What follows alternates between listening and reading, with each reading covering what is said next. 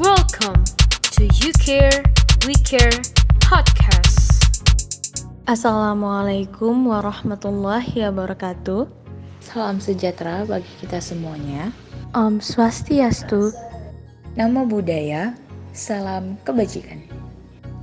Hello and welcome to the You Care We Care podcast special second episode. Kembali lagi bersama Tasya dan Zizi. Di episode kedua ini, kami akan mengajak teman-teman untuk menggali informasi seputar kejadian yang sering banget terjadi di sekitar kita. Tentunya dengan spesial bintang tamu yang ahli di bidangnya loh. Dalam episode kedua ini, kami akan membahas seputar HIV AIDS dan peran dari UNAIDS itu sendiri. Nah, untuk teman-teman yang penasaran dengan topik kita kali ini, wajib banget disimak sampai akhir ya.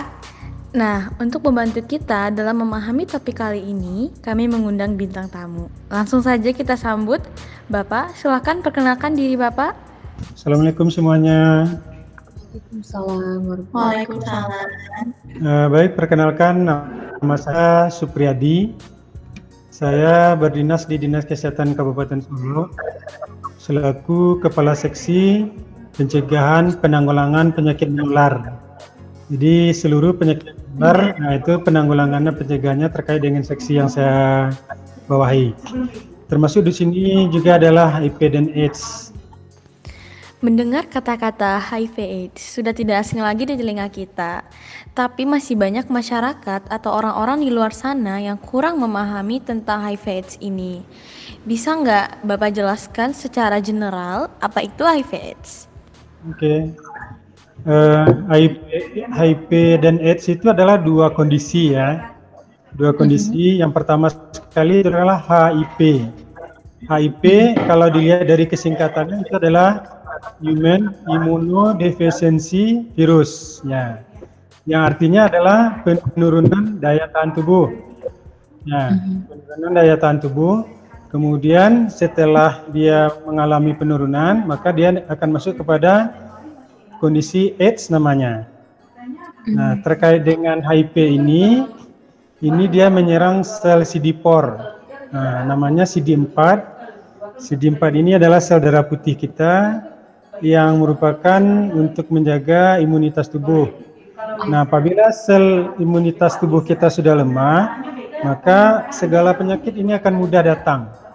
Termasuk juga namanya infeksi oportunistik.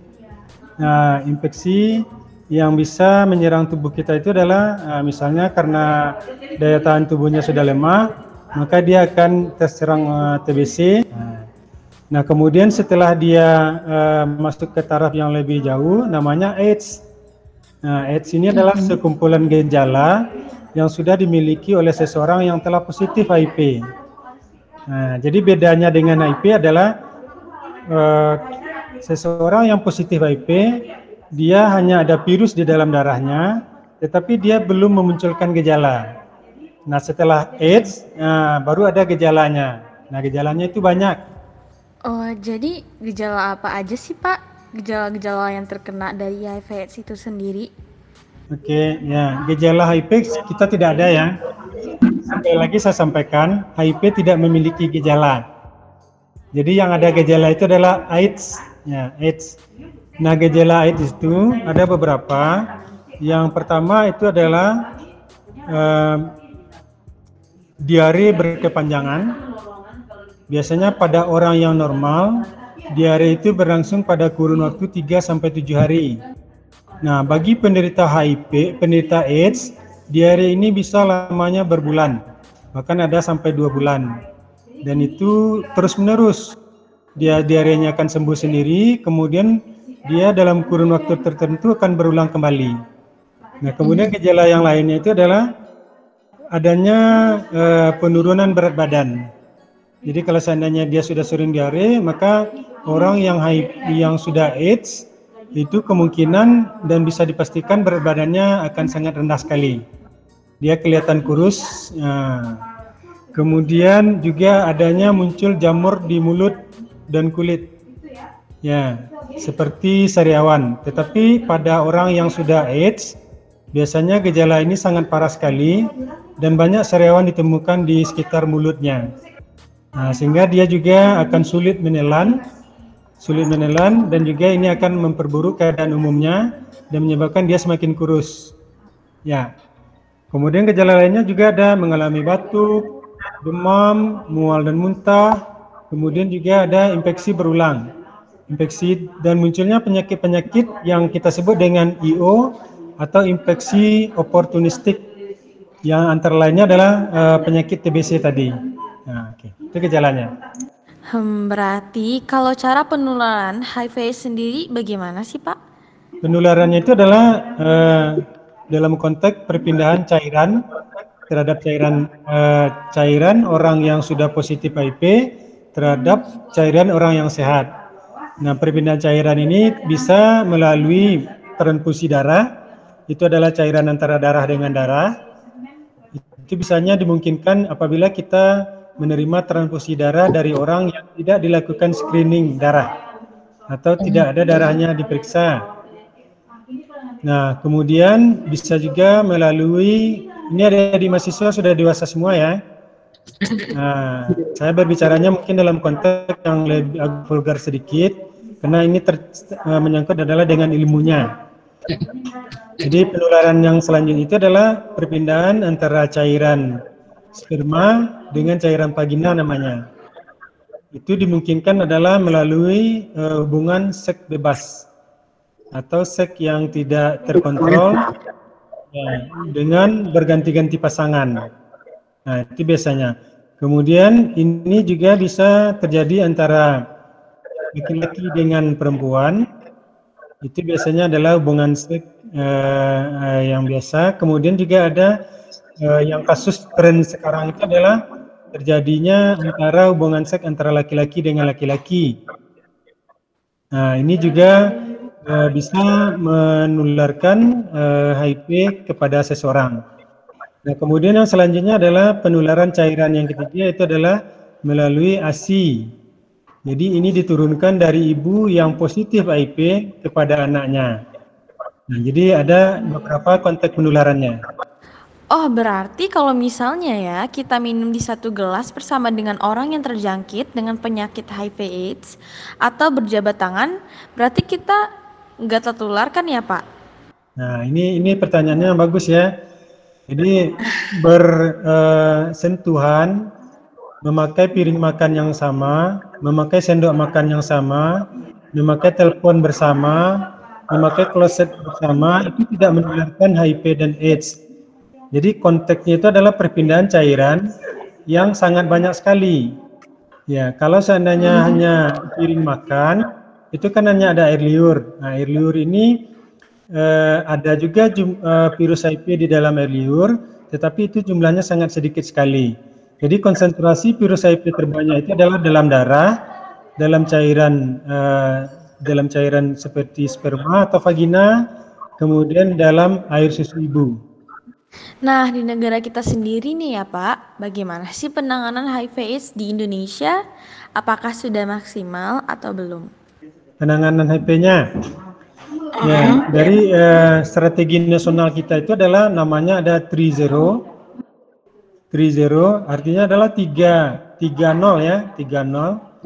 Nah, nol yang pertama itu adalah tidak ada infeksi baru terkait dengan penularan HIV. Nah, infeksi baru di sini yang dimaksudnya adalah infeksi yang terjadi setelah program ini uh, melakukan operasionalnya. Nah, dalam konteks sekarang ini yang kita temukan itu adalah penderita HIV yang sudah lama tertularnya, mungkin tertularnya 10 sampai 15 tahun ke depan. Nah, ke depannya dalam program 3.0 yang dicanangkan oleh pemerintah, yang pertama itu adalah tidak adanya kasus infeksi baru. Nah, jadi setelah program berjalan, kita mengharapkan nantinya adalah tidak ada lagi penularan yang baru terjadi di kalangan masyarakat. Nah, yang kemudian yang kedua adalah 3.0 yang kedua itu adalah nol kematian. Nol kematian diharapkan nantinya dari program yang ada ini tidak ada lagi penderita HIV yang mati terkait dengan penyakit uh, yang dideritanya. Nah, terkait dengan penyakit yang dideritanya. Kemudian yang ketiganya adalah uh, eh, apa namanya nih tidak ada diskriminasi atau perlakuan yang tidak baik terhadap orang yang menderita HIV. Diharapkan ini adalah orang menderita HIV itu punya hak hidup yang sama dengan orang yang normal atau no, dengan orang yang sehat. Cuman program ini uh, bukan uh, tidak gampang. Artinya memang untuk menerapkannya uh, program ini butuh uh, seluruh potensi yang ada. Kira-kira Pak, ada nggak lembaga yang ikut berkontribusi juga dalam mengatasi kasus HIV/AIDS baik itu di Kabupaten Solok, Sumatera Barat ataupun di Indonesia? Ya, saya dengan organisasi yang yang ikut menanggulangan menanggulangi program HIV ini yang pertama sekali itu adalah organisasi namanya Global Fund. Mm-hmm. Global Fund yang ini adalah uh, mungkin inspiratornya adalah negara Amerika. Nah, jadi dialah yang mendanai kegiatan penanggulangan HIV baik secara nasional di Indonesia maupun di Sumatera Barat dan termasuk juga yang ada di Kabupaten Solo. Mm-hmm. Nah, Global Fund ini yang kita singkat dengan GF.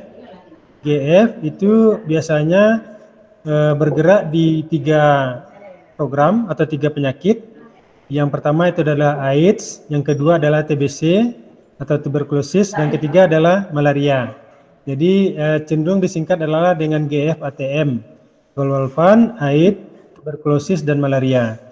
Nah terkait dengan HIV-nya, mereka juga sudah uh, menyalurkan kegiatan-kegiatan dalam hal penanggulangan HIV ini, baik itu dalam rangka uh, peningkatan uh, sumber daya manusia dalam penanganan apa penanganan HIV maupun kegiatan-kegiatan seperti pengadaan alat pemeriksaan untuk HIV ini. Dan ini juga dibantu dari dana uh, daerah sendiri, baik itu dari Provinsi Sumatera Barat dan juga dari Kabupaten Solok sendiri. Kemudian organisasi lain yang terlibat itu adalah kita juga bekerja sama dengan LSM yang bekerja secara sosial dalam rangka menjaring orang-orang yang punya faktor risiko tertular HIV. Nah, biasanya mereka adalah dari komunitas orang-orang yang juga punya faktor risiko. Sehingga kalau seandainya LSM yang terkait dengan eh, orang-orang uh, yang faktor risiko ini, mereka lebih memahami kondisi teman-temannya dan dengan mudah dapat menjangkau orang-orang yang punya faktor risiko sendiri.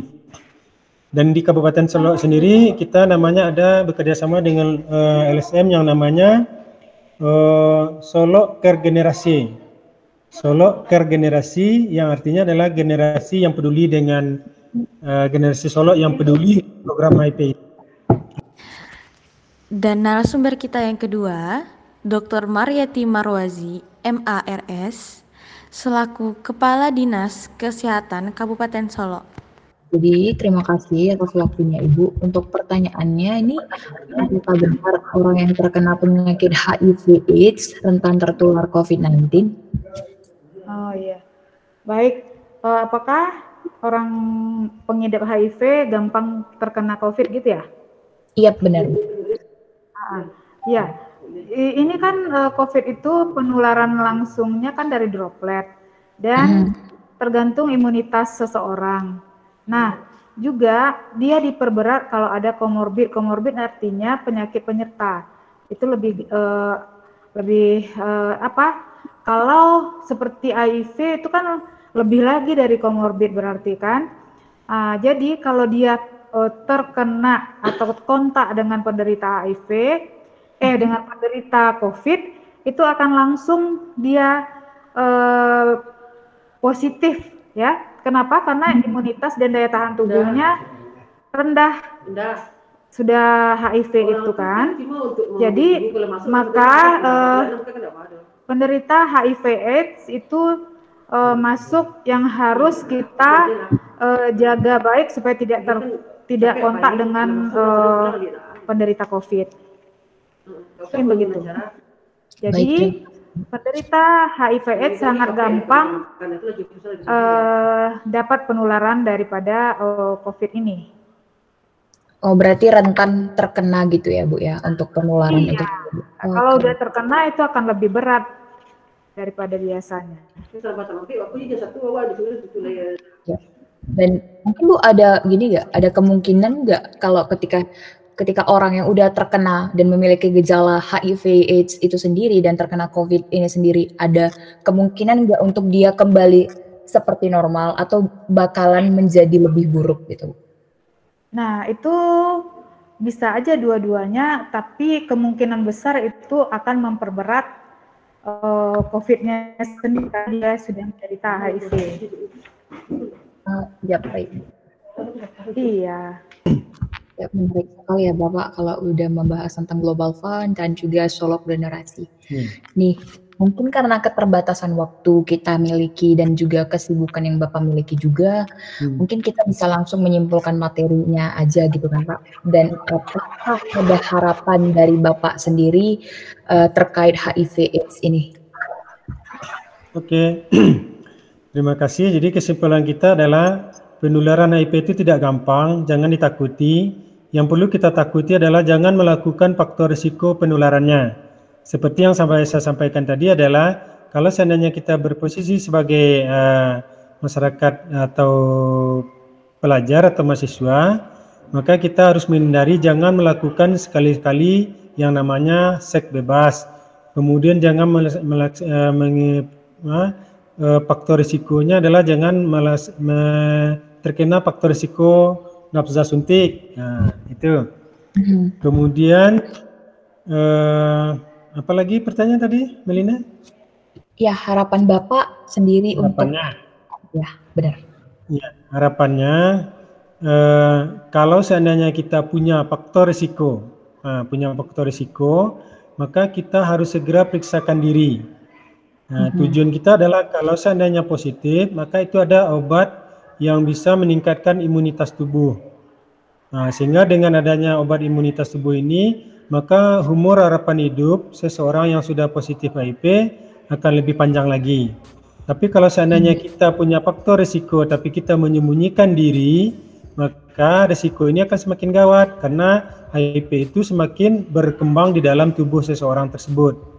Di harapan kami adalah uh, sebanyak mungkin akan kita lakukan pemeriksaan terhadap orang yang berisiko HIV ini. Terima kasih Bapak. Uh, demikian pengertian diskusi kita hari ini. Semoga dapat menambah wawasan dari para pendengar. Terima kasih juga kepada Bapak dan Ibu yang telah hadir pada episode podcast kita kali ini dan memberikan materi dan informasi yang sangat menarik. Uh, untuk mengetahui lebih lanjut mengenai HIV dan AIDS dan materi-materinya, kalian juga bisa mengunjungi website kita yaitu www.youcarewecare20.wixsite.com/home. Jangan lupa untuk mengisi feedback yang ada di website kami. Sekali lagi, terima kasih dan sampai jumpa di episode selanjutnya. Bye bye, terima kasih. Terima kasih.